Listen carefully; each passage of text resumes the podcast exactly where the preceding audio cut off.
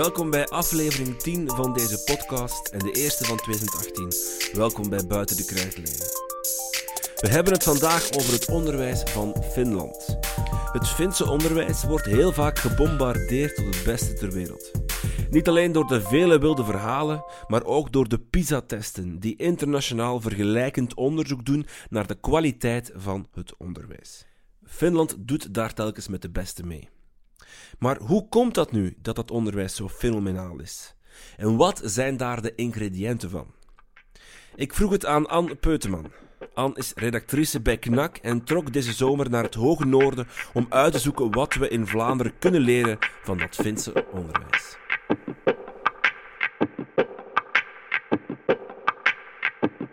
Dag Anne uh, Peuteman. Uh, u bent naar uh, Finland getrokken deze zomer. om daar eens te gaan kijken hoe werkt dat onderwijs daar. daar dat zo bejubelde onderwijs, daar zoveel verhalen over doen. Um, misschien de eerste vraag. Um, staan de Finnen daar voor open dat je daar naartoe trekt en dat gaat onderzoeken? Hebben zij zelf door dat ze zo'n fantastisch onderwijs hebben? Ze staan er voor open. Ze zijn heel vriendelijk en ze willen het allemaal uitleggen, maar ze kijken ook wel een beetje verbaasd naar het feit dat dat Finse onderwijs wereldwijd zo wordt opgehemeld. Um, er zijn mensen die daar bijna een beroep van hebben gemaakt om buitenlanders daar rond te reizen. Maar er zijn ook, um, als je dan de scholen zelf komt, dan, dan ja, die leerkrachten die vinden het allemaal toch wel een beetje vreemd. Maar ook wel trots natuurlijk. Hè? Ze hebben niet het gevoel dat ze, dat ze berenwerk verrichten, dat ze ook resulteert in die hoge cijfers van, van die PISA-resultaten en dergelijke. Nee, want die, die PISA-resultaten, dat speelt daar niet echt mee. Daar wordt heel uh, een beetje lacherig over gedaan van het zijn maar momentopnames. Het gaat maar over een paar dingen die worden gemeten. Um, zij, um, zij zitten daar natuurlijk ook nogal weg van de wereld. Hè? Weg van de rest van Europa zijn daar minder mee bezig. Zij hebben een heel erg gevoel. Um, van, van urgency, van wij zitten hier, um, wij hebben Nokia, maar wij hebben niet zo gek veel meer. En als wij iedereen willen meekrijgen in onze economie, moeten wij heel hard in dat onderwijs investeren. Dus wij vertrekken heel erg vanuit Finland, van een, uit hun omgeving, hun toekomst.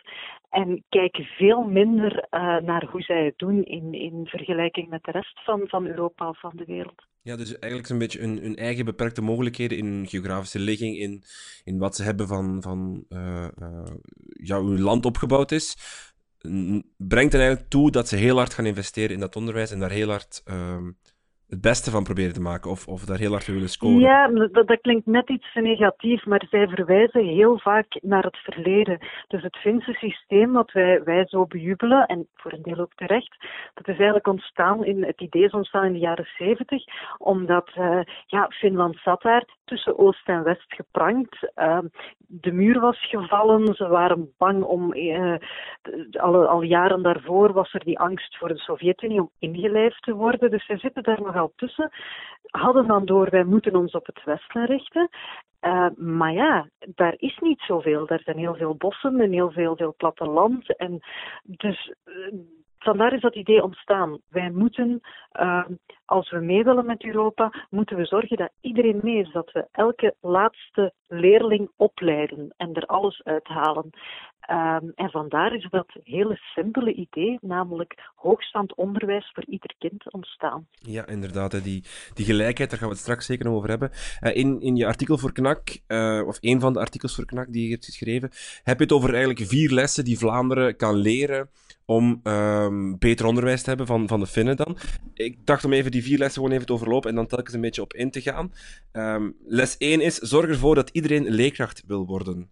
Want dat is wel speciaal in Finland. Hè? Je bent, wordt daar niet zomaar leerkracht je wordt daar niet zomaar leerkracht. En wat mij enorm opviel, want dat heb ik eigenlijk toevallig, een, een, zat een Fin naast mij in het vliegtuig op weg um, naar Helsinki. En die, uh, die, die vertaalde iets uit een krant. En dat was een, een rondvraag bij Finnen van wat het meest gerespecteerde beroep was. En het, um, uh, ik denk brandweerman en politieagent waren de enige dingen die nog boven leerkracht stonden. En dat vond ik wel een beetje vreemd, want ik ben behoorlijk overtuigd als je dat in Vlaanderen zou doen, dat er iets anders zou uitkomen. En dus daarom ben ik dat gaan uitzoeken. En dan zie je inderdaad, het wordt enorm gerespecteerd heeft te maken met wat ik daarnet zei, met het feit dat, um, dat, dat sorry, ik ben even afgeleid. Dat heeft te maken met, met het feit dat die sense of urgency er is. Hè? Dat is heel belangrijk dat we iedereen meekrijgen. Um, het heeft ook te maken met de inhoud, het feit dat leerkrachten krijgen daar heel veel vrijheid, zowel om hun lessen in te vullen als de manier waarop ze ze geven, maar ook uh, de praktische invulling, hè, werkuren, dat is allemaal veel vrijer dan bij ons. Dus alles wat leerkrachten bij ons overklagen, administratie, leerplandoelstellingen, hebben zij veel minder. Ja, ze, daar... ook maar, ze geven maar drie uur per dag les ook, heb ik gelezen. Klopt dat? Nee, dat, dat bouwt op. Nu, um, ook voor kinderen bouwt dat op. Het begint, uh, ik geloof in de lagere school, met halve dagjes en alsmaar meer. En de leerkrachten um, geven les op basis van hun vak. Dus um, men gaat ervan uit dat een leerkracht Engels heel veel verbeterwerk heeft. Hè, veel essays moet nalezen, boekbesprekingen. Dus wordt dat in rekening gebracht en wordt gezegd, dan moet jij minder voor de klas staan, want jij moet daarnaast nog heel veel werk doen. Een leerkracht muziek gaat veel meer uren lesgeven. En zijn er eindtermen in, in Finland? Is er iets waar ze, dat, want je zegt ze hebben heel veel autonomie, die leerkrachten? Er, zijn er is natuurlijk een norm uh, die wordt opgelegd, maar niet in de zin van, van leerplandoelstellingen. Ze hebben daar ook geen eindtermen aan het einde van de leerplicht, dus dat is daar op 16 jaar. Um, er is wel op het einde voor wie verder studeert, wie nog, twee, drie, wie nog drie jaar bijstudeert, zijn er dan wel eindtermen om dan naar hoger onderwijs te gaan. Um, maar dat zijn dan die laatste drie jaar. Dat is uh, een andere structuur dan bij ons. Um, als je leerkracht wilt worden, dan moet je een zwaar toelatingsexamen doen, zowel schriftelijk als mondeling. Um, en dan is één op de tien kandidaten mag, mag, mag beginnen aan de opleiding, als ik juist ben. Ja, maar het zijn geen numerus clauses. Hè. Dus zijn gewoon, je, als je zegt van ik wil een lerarenopleiding. Er is trouwens voor de duidelijkheid toegangsexamen voor elke universitaire opleiding. Um, dus wat je ook gaat studeren, als jij wil leraar worden, dan moet je eerst een algemene kennisproef maken. Slaag je daarvoor, dan word je um, uitgenodigd voor een gesprek. En dat gesprek is echt, uh, gaat men peilen naar of jij wel ja, de juiste mens bent om daar te gaan staan. Of jij wel empathisch bent, of je geduldig bent, of je het ook echt wil. En dan kun je eraan, kun je eraan beginnen. Um, want, het is misschien belangrijk om mee te geven, elke van in de kleuterschool tot het einde van de middelbare school is een, heeft een masterdiploma. Dat helpt ook voor het prestige. Ik weet dat een van die Finse onderwijsspecialisten zei mij, je moet ervoor zorgen dat als een leraar op café zit, uh, dat hij zich eigenlijk even belangrijk voelt, even gewaardeerd voelt als zijn vriend de dokter en zijn vriend de advocaat. En dat hij daar ook graag mee uitpakt dat hij leraar is. Ja, want um, dat feit dat hij een masterdiploma heeft, zorgt inderdaad voor dat prestige, maar ook wel um, voor het vertrouwen dat hij dan krijgt van uh, enerzijds de, de, overheid, want er is geen schoolinspectie, die is afgeschaft een aantal jaar geleden. En, ja, al uh, heel lang geleden. En ook van de ouders en van de leerlingen uh, toenemen, denk ik dan. Ja, maar dat is uh, dat vertrouwen. Ik, ik keek daar altijd van op, omdat dat in heel veel gesprekken terugkwam. Um, omdat veel leerkrachten, als ik nogal verbaasd zei, ja, geen, geen inspectie en wie controleert jullie dan? Ja, die vielen uit de lucht. Die snappen niet dat wij dat bijna must vinden, dat wij vinden dat er controle moet zijn. En dat heeft toch te maken een stuk met Um, ik, ja, ik, ik vind het woord volksaard te beladen, maar toch met, met de cultuur daar. Dat is een, een enorme cultuur van vertrouwen in heel veel levensdomeinen. Veel meer dan wij hier hebben. Dus het idee van, je bent hoog opgeleid, je hebt al die jaren daarvoor gestudeerd, je bent gespecialiseerd, je hebt die job gekregen, je krijgt het vertrouwen van de directeur, dus krijg je meteen ook het vertrouwen van de samenleving.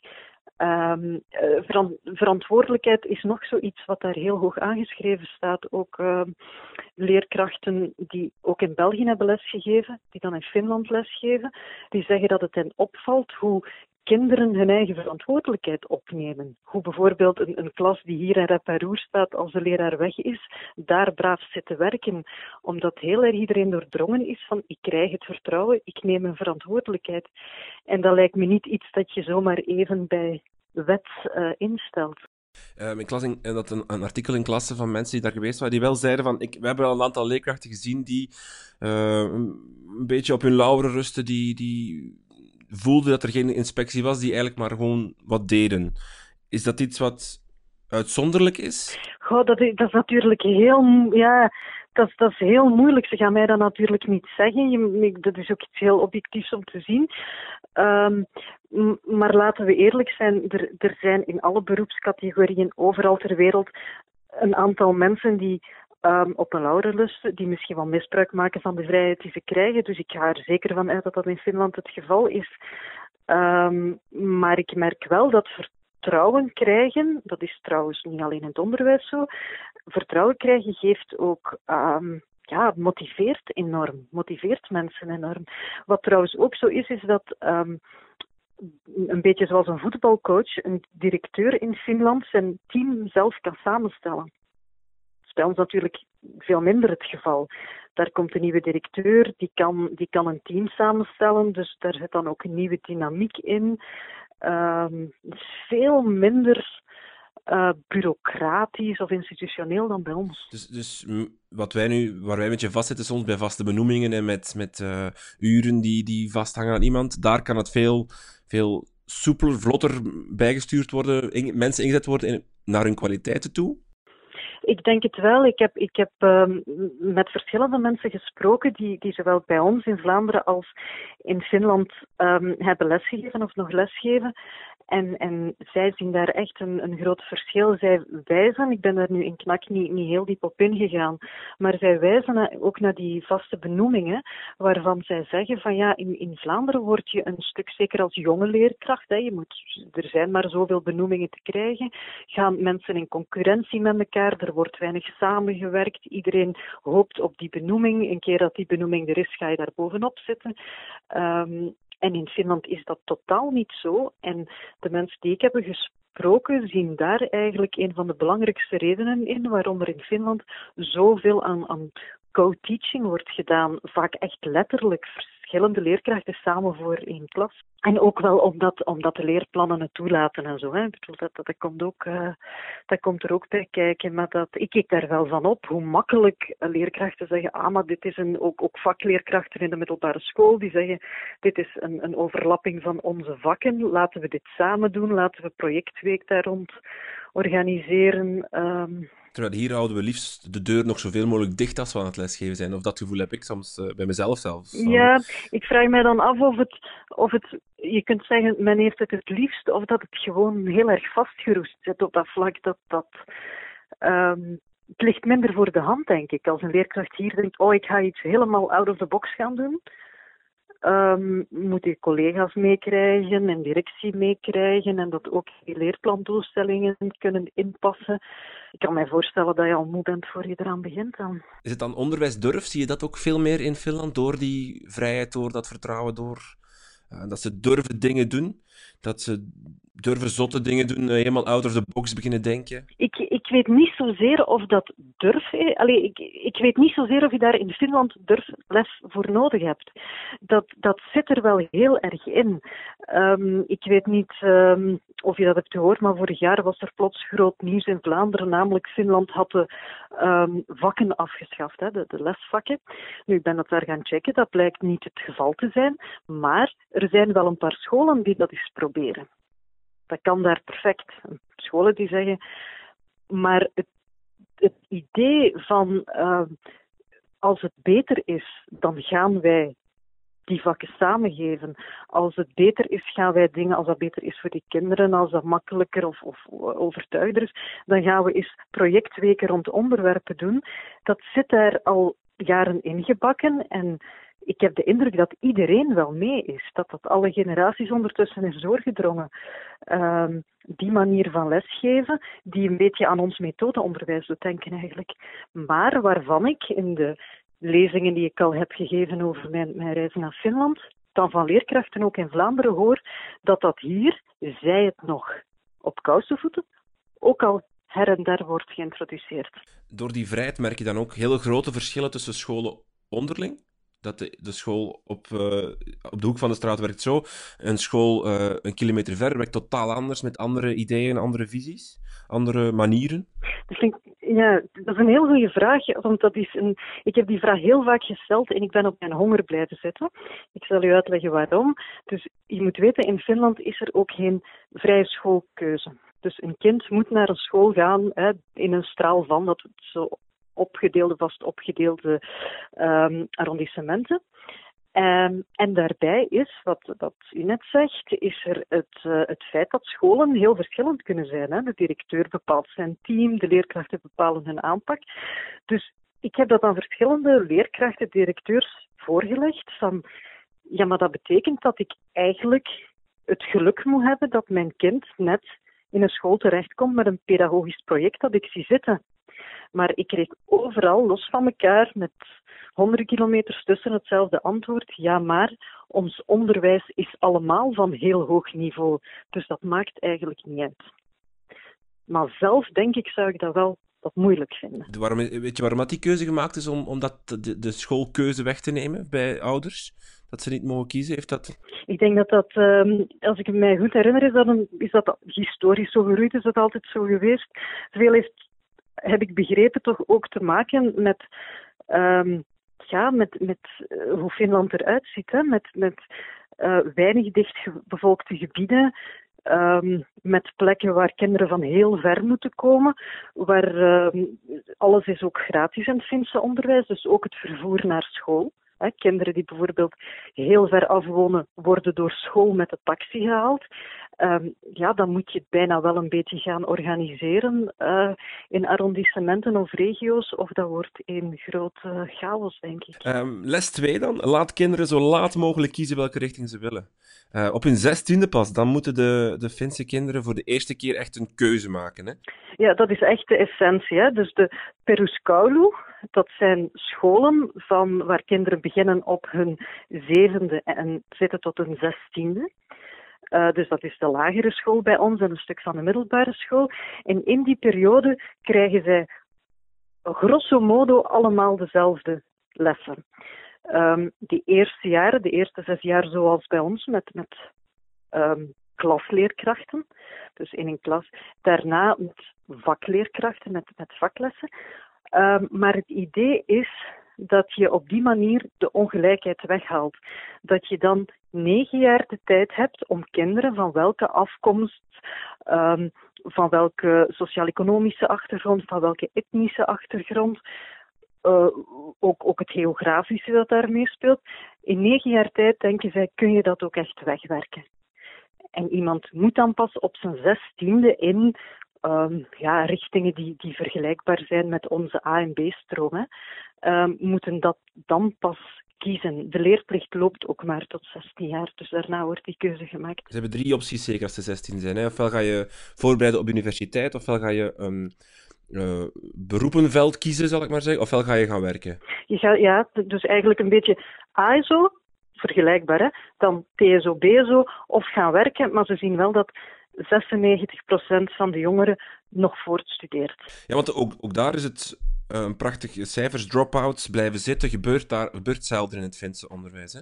Nee, blij, uh, een, een, jaar overdoen is. Um, ja, dat werd mij ook in de lagere school bij ziekte of echt, als ze ze echt niet meekrijgen, als ze alles hebben gedaan om ze mee te trekken en het lukt echt niet, gebeurt dat zeer uitzonderlijk. En uh, ja, drop-outs kennen ze ook niet ik, ken nu de cijfers niet van buiten, maar het is een heel hoog slagpercentage in die uh, drie jaar die zij dan van hun zestiende tot hun negentiende bijdoen.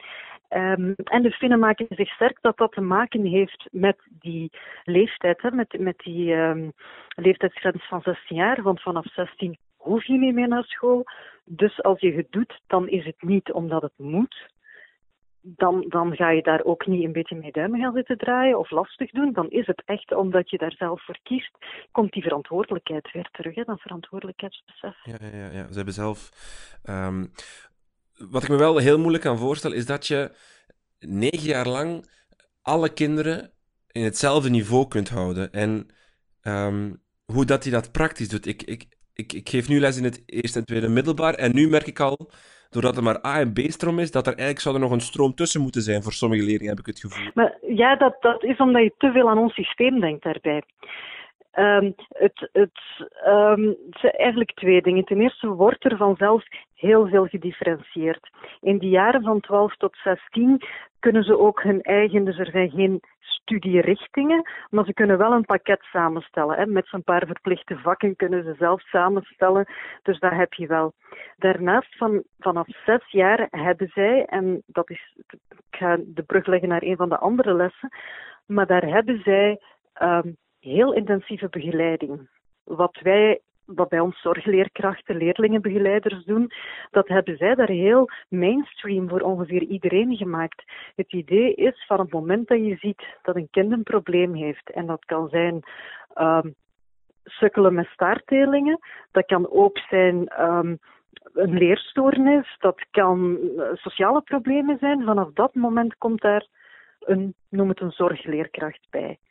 En dan zijn de mogelijkheden, want er wordt ook geïnvesteerd, er zijn veel zorgleerkrachten, dan kan daar van alles op maat van dat kind gebeuren. Dat kunnen een paar bijlessen zijn, dan is dat genoeg. Dat kan intensieve begeleiding, maandenlang, jarenlang, de hele schoolcarrière. Dat kan in de eigen klas van het kind, iemand dat erbij komt, dan zijn er twee juffen of een juf en een meester die dag. Dat kan zijn dat dat kind in een apart klasje wordt, uh, les krijgt. Dus op die manier is het heel normaal. Hè. Ze zeggen ook bijna alle kinderen hebben ergens in die negen jaar wel eens extra zorg nodig. En door het feit dat wij dat zo aanbieden, zo wijd aanbieden aan zoveel kinderen, rust daar ook geen stigma meer op. Dus is het ook makkelijker om kinderen mee te trekken, want je deelt ze niet op in gewone leerlingen en probleemleerlingen. Ze hebben ook toetsen, hè? en aan het einde van elk, elke cursus krijgen ze een toets. Als ik juist. In de middelbare school. Allee, in het stukje van 12 tot 16, waar ze aparte vakken van aparte leerkrachten hebben. Ik geloof dat dat, maar ik ben het nu, vijf of zes weken duurt elke cursus.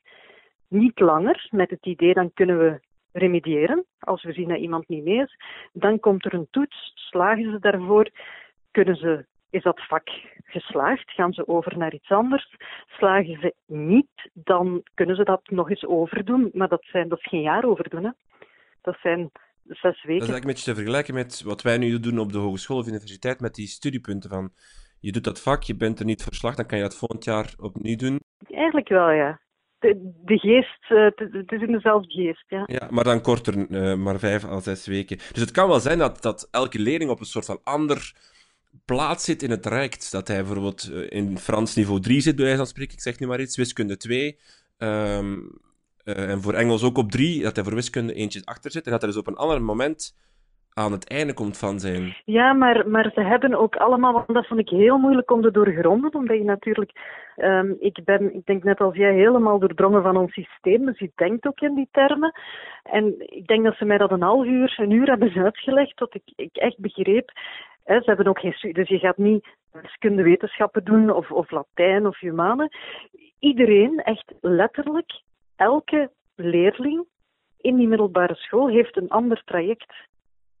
En dat, um, ja, dat, dat is. Um, je kunt zeggen van ik ga gewoon voor wiskunde tot niveau 3. Iemand die beter is dan daarin gaat in wiskunde nog een paar niveaus verder, maar die neemt dan weer minder talen in zijn pakket. Dus het kan echt wel een groot stuk op maat van zo'n jongere gemaakt worden, met natuurlijk een paar basisvakken waar ze voor moeten slagen. Zo, hè. Zoals de vakken die bij ons, uh, dat is daar Fins, uh, Zweeds, wiskunde, een aantal. Uh... Ze hebben eigenlijk een aantal basis vakken die ze moeten, daar moeten ze eigenlijk allemaal over, over die hindernis. En dan, dat is niet zo heel hoog dan, die, die moeilijkheidsgraad? Dat vind ik heel moeilijk om...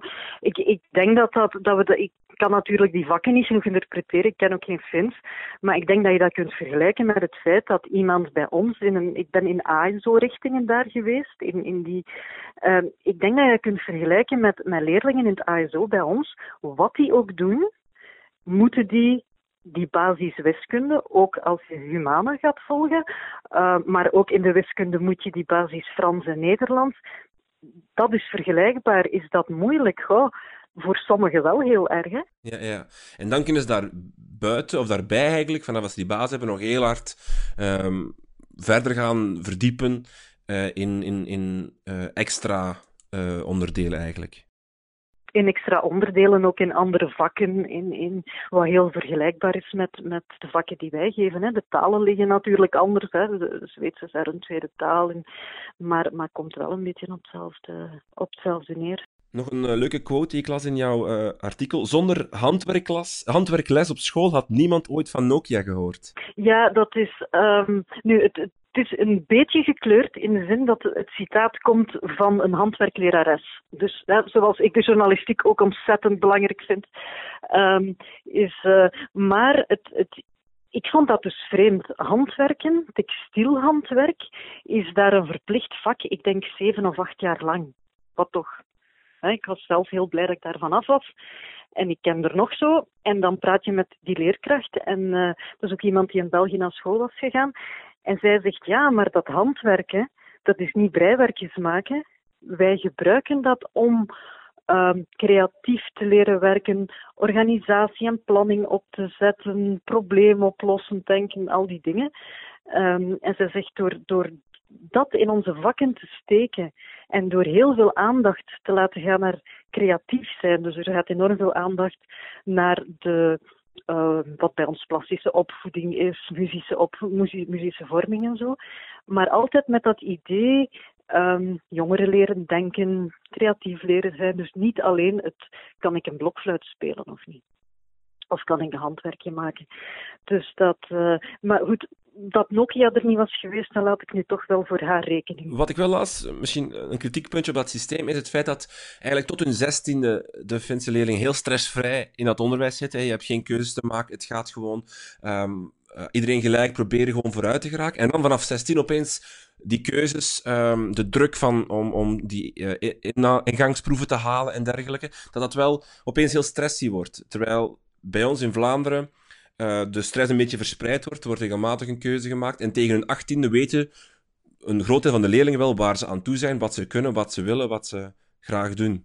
Wel, de, de mensen die zowel het, in het Finse systeem hebben lesgegeven als in Vlaanderen hebben lesgegeven als naar school zijn geweest, die wezen mij daarop dat onze leerlingen, die, onze middelbare school vergt heel veel. We weten dat. Er is heel veel stress, er is veel uitval, zitten blijven, watervalsysteem.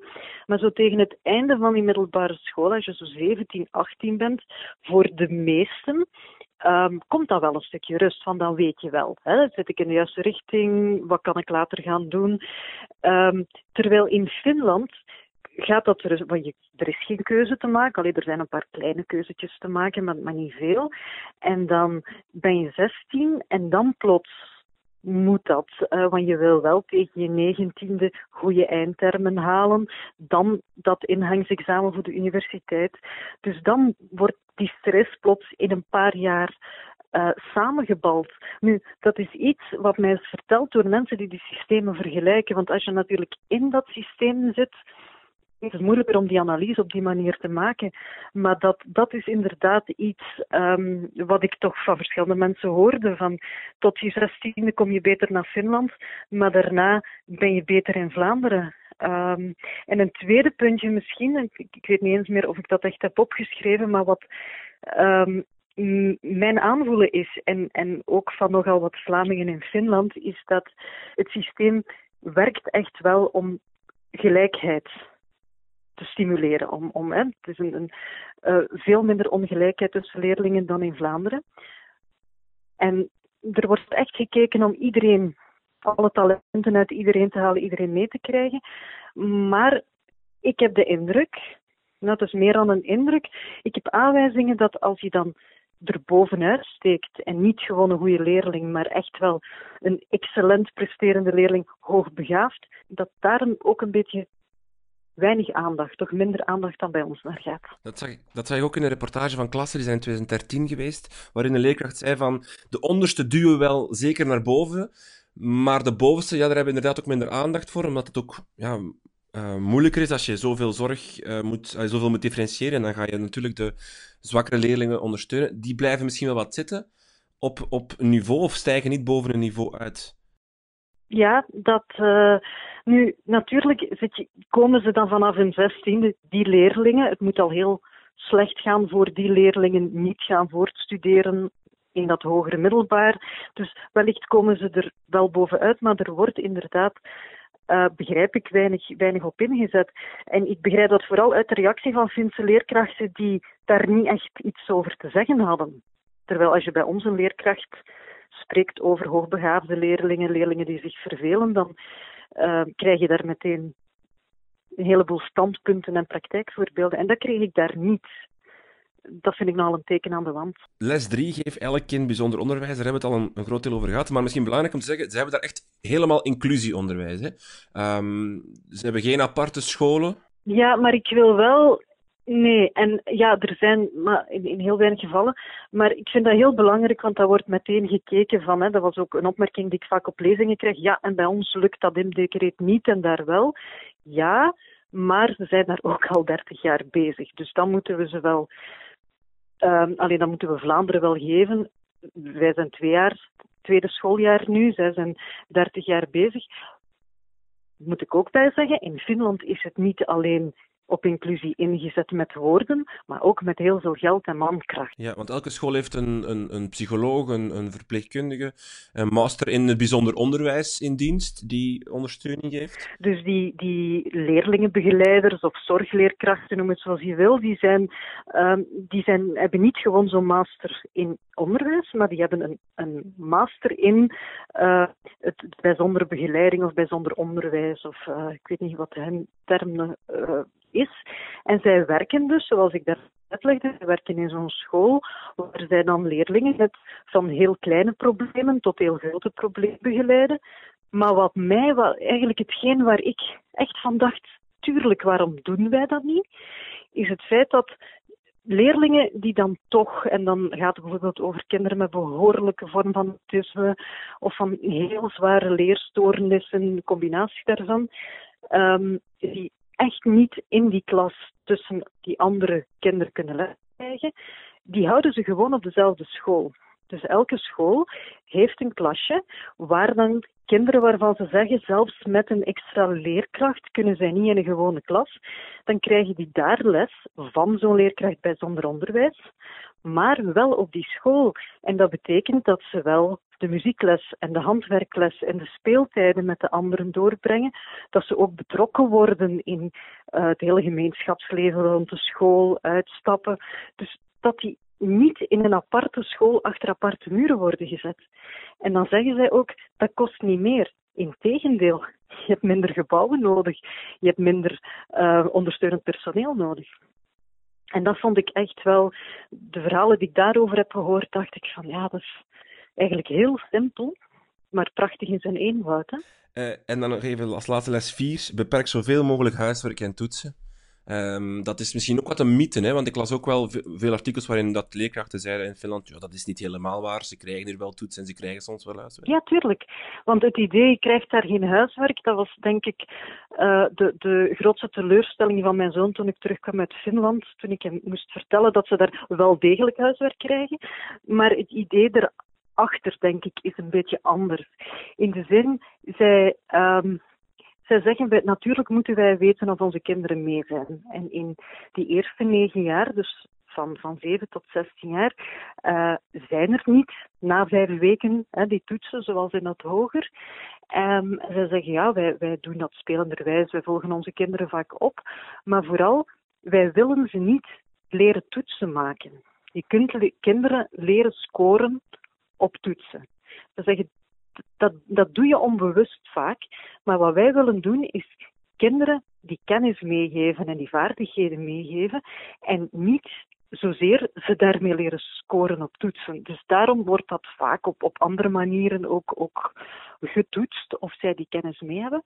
En wat huiswerk betreft, ze krijgen wel huiswerk, maar niet zozeer vanuit principe of om, maar meer um, als zij vinden dat dat nodig is, als iets echt extra moet worden ingeoefend, maar dan differentiëren ze meestal ook. Dus dan gaat niet elk kind hetzelfde huiswerk krijgen. Ja, misschien ook nog, we hadden er juist over die, die uh, extra begeleiding. Die valt ook altijd binnen de schooluren. Hè? Er is nooit uh, iets, iets op woensdagnamiddag of, of uh, laat, na het scholen dat ze moeten blijven voor extra begeleiding. Ze proberen altijd doen binnen die, die schooluren, zodat leerlingen ook heel veel tijd hebben voor hobby's, voor andere dingen om buiten school te doen. Ja, ja dat, dat is natuurlijk ook wel mooi, want als je dat vergelijkt, als je wereldwijd kijkt, um, Finland scoort heel hoog, de hoogste, was tot voor de hoogste in Europa in de PISA-studie. Maar er zijn een aantal Aziatische landen, zoals Singapore, die daarboven zitten. Maar daar zie je dan dat die kinderen, excuseer, dat die kinderen enorm worden gedrild. Dus dat die heel veel bijlessen op school, maar ook privé um, leerkrachten hebben, bijlessen. Uh, dat is in Finland totaal niet zo. Misschien even algemeen over dat Finse onderwijs. Um, ik, ik, vraag me heel hard af hoe hard gaat dit over geld en over een overheid die dan heel veel investeert en gelooft in onderwijs. Wordt er in Finland veel meer geïnvesteerd in onderwijs dan in Vlaanderen bijvoorbeeld? Nee, um, ik ben hier even de cijfers, want het zit een beetje ver. En dan zijn de cijfers het eerste die gaan, maar ik dacht dat is het nu zevende. In elk geval, een leerkracht kost in Finland, een leerling kost in, aan de overheid ongeveer evenveel als bij ons, hè, op jaarbasis aan de overheid. Um, met de uitzondering als je natuurlijk in Lapland woont, waar één leerkracht voor twee kinderen nodig is, is dat een beetje duurder, maar gemiddeld is het evenveel. Um, meer nog, in Finland krijg je, krijgt de samenleving meer, meer waar voor zijn geld. Want daar zijn schoolmaaltijden gratis, daar is het vervoer naar school gratis, daar heb je een verpleegster op school. Dingen die wij hier extra moeten gaan betalen. En hoe, hoe doen ze dat dan? Hoe, hoe...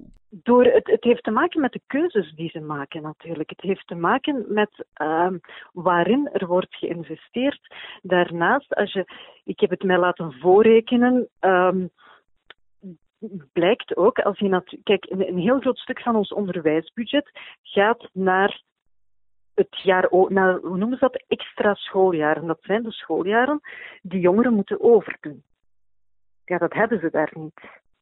En dan heb je ook nog de, de maatschappelijke kost van um, schoolverlaters zonder diploma die wegvalt. Ze hebben ook dat watervalsysteem niet. En dat, dat heeft ook te maken, want zij, zij hebben ook een heel intensieve begeleiding in, in, uh, in studiekeuze bijvoorbeeld. Wordt ook erg in geïnvesteerd. Wat er ook, um, maar dat, dat brengt ons niet te ver, maar wat, wat ook, het heeft ook te maken met het feit dat de steden en gemeenten organiseren het onderwijs in Finland. Allemaal. Dat betekent dat als zo'n gemeente dus dat betaalt ook dat personeel. Als een gemeente zegt van in dat kleine schooltje zetten wij een verpleegster en die verpleegster werkt ook de andere helft van haar tijd of een paar dagen in de week voor weet ik veel, iets anders in de gemeentevereniging of voor de gemeente zelf. Dat geldt voor veel van die jobs. De, de, ik heb een prachtige sportinfrastructuur gezien, ik heb prachtige muzieklokalen gezien, maar die worden ook binnen die gemeenschap verder gebruikt. Dus die, die investeringen ja, ja.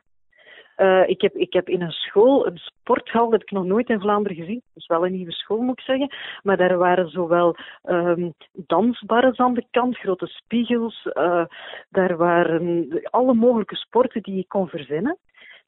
Maar dat wordt ook gebruikt door, um, dat was, als ik me goed herinner, aan de uh, rand van, van Tampere, dat, wordt door heel die omgeving gebruikt. Dus die, die gemeenten investeren in, in niet alleen in infrastructuur en in jobs die puur naar de school gaan, maar veel ruimer dan dat. Mm -hmm, ja. Um, je, je, eindigt je artikel ook wel met te zeggen van het Finse onderwijssysteem wankelt ook wel een beetje. Um, daarvoor werd al vaak het uh, argument gebruikt van ja, het is gemakkelijk om gelijkheid uh, te halen in Finland, want daar is de, de verschil tussen de mensen sowieso niet zo groot. Um, nu met de migratie, um, ik las sinds de jaren 90 met 800% toegenomen, de migratie.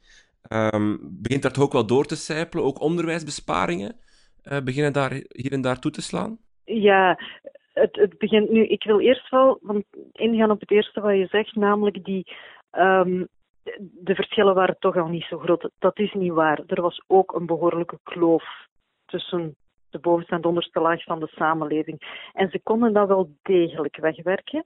En het bewijs daarvan is dat de verschillen tussen leerlingen in scholen groter waren dan tussen scholen onderling. Dat betekent, of jij nu uit een arme wijk met veel arme families komt of een rijke wijk, maakt het verschil niet uit. Het verschil is binnen de school, dus op basis van talent.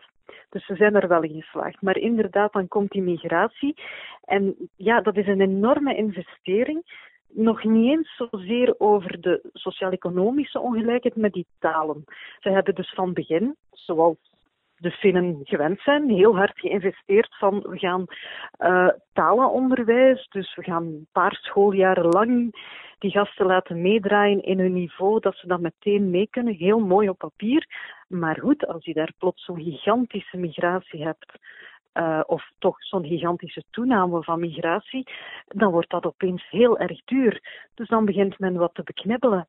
En dan, uh, ja, in het algemeen, zoals overal in het Westen, wordt er dan ook op alle andere domeinen bespaard. Dus ook een stukje die gemeenten hebben wat minder geld. Die, en daardoor wankelt het een beetje. Alhoewel er voor alle duidelijkheid op dit moment nog niet wordt bespaard op dat hele systeem van zorgleerkrachten en remediëring en, en inclusie, dat niet. Hè. Maar het is, ja, het is een enorme toestroom voor een land dat zo lang zo homogeen is geweest. En eh, is er angst? Want ook in de PISA-testen scoren ze iets lager. Uh, de voorbije editie. Is er angst dat het wat aan, het afglijden is? De, de, de, de wet van de remmende voorsprong misschien, dat die aan toetslaan is? Uh... Nee, want die PISA-studie, daar, daar ligt echt niemand van wakker. Ik heb gesproken uh, met Pasi Salberg, dat is een, een professor, een, een Finse onderwijsspecialist die ook aan Amerikaanse universiteiten lesgeeft. En die zegt van, bij PISA moet je heel hard opletten, want dat is zo'n symbool geworden dat nogal wat landen zich als doel hebben gesteld, hè, vaak de minister van Onderwijs bij de verkiezingen. Wij gaan naar de top 5 van de, de, PISA-ranking. En hij zegt, ja, zo, je kunt natuurlijk inzetten op je jongeren goed laten scoren in die, um, in, in die, die, geletterdheid of wiskundetoets ofzovoort. Nu, ik geloof dat wel. Het is natuurlijk maar een deel van het verhaal. Dat zou al te makkelijk zijn. Het tweede is dat we in Finland nog, maar we zien dat eigenlijk ook in, in veel andere landen, maar in Finland valt dat nu wel op, is dat ook gemeten, dat het vooral de jongens zijn die een beetje terugvallen. Als je alleen naar de meisjes gaat kijken, dan zou Finland nog altijd even hoog scoren de jongens trekken het een beetje naar beneden. Het is integraal te wijten aan de jongens. En ja, dan is de vraag hè, van waarom de jongens? Dat is nog gissen. Daar is nog amper onderzoek naar gedaan. Um, voor zover ik weet nergens in Europa. Maar dat zou te maken hebben met het uh, ja, met smartphonegebruik die de geletterdheid naar beneden haalt. Meer bij jongens dan bij meisjes. Uh, ik heb ook al horen zeggen dat het uh, de manier van lesgeven, de vakken die jongeren overal krijgen, de geëikte vakken, dat die jonge, jongens minder interesseren. Maar um, Pavi Salberg noemt dat de uitdaging van de komende tien jaar. Dat hele Finse systeem, u bent, u bent er naartoe geweest. Um, wat moet Vlaanderen daar nu goed naar kijken en daar echt dingen van overnemen? Of, of moeten we daar. Ik denk dat we moeten ver ik, ik, denk dat het goed is. Ik ben er eigenlijk naartoe gegaan met hè, wat je aan het begin van het gesprek zei. Ik hoorde dat altijd maar naar boven komen, zo en passant even vermelden. En ik wou eens gaan zien wat het was. En het zou natuurlijk prachtig zijn als je het Finse onderwijssysteem zou kunnen overplanten naar hier en dan zijn al onze zorgen weg.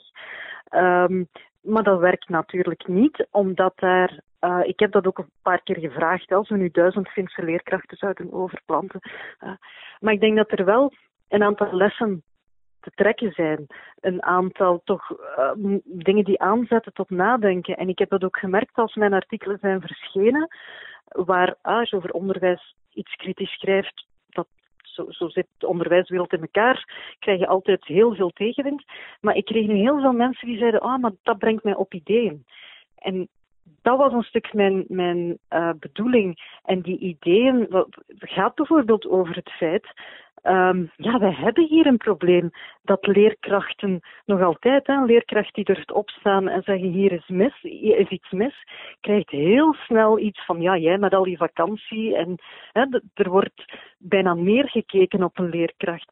Um, je ziet ouders die heel hard ingaan als tegen het gezag van een leerkracht. Um, daar denk ik, ja, we willen toch echt wel de beste mensen in het onderwijs. En daar lukt dat. Dus lijkt het mij wel een idee om eens te gaan kijken. Betekent dat dan dat je hier ook allemaal masters moet maken? Kan misschien ook op een andere manier. Maar dat zo ook hoe die inclusie daar wel werkt. Um, ik denk dat dat dingen zijn die kunnen inspireren. Maar het overzetten is onmogelijk door dat de structuur van ons onderwijs, de structuur van ons land, maar ook de mentaliteit van dit land gewoon fundamenteel anders is. Razend interessant. Uh, heel veel dank om ons een beetje wegwijs te maken in het Finse onderwijs. Anne Peuteman, dankjewel. Graag gedaan.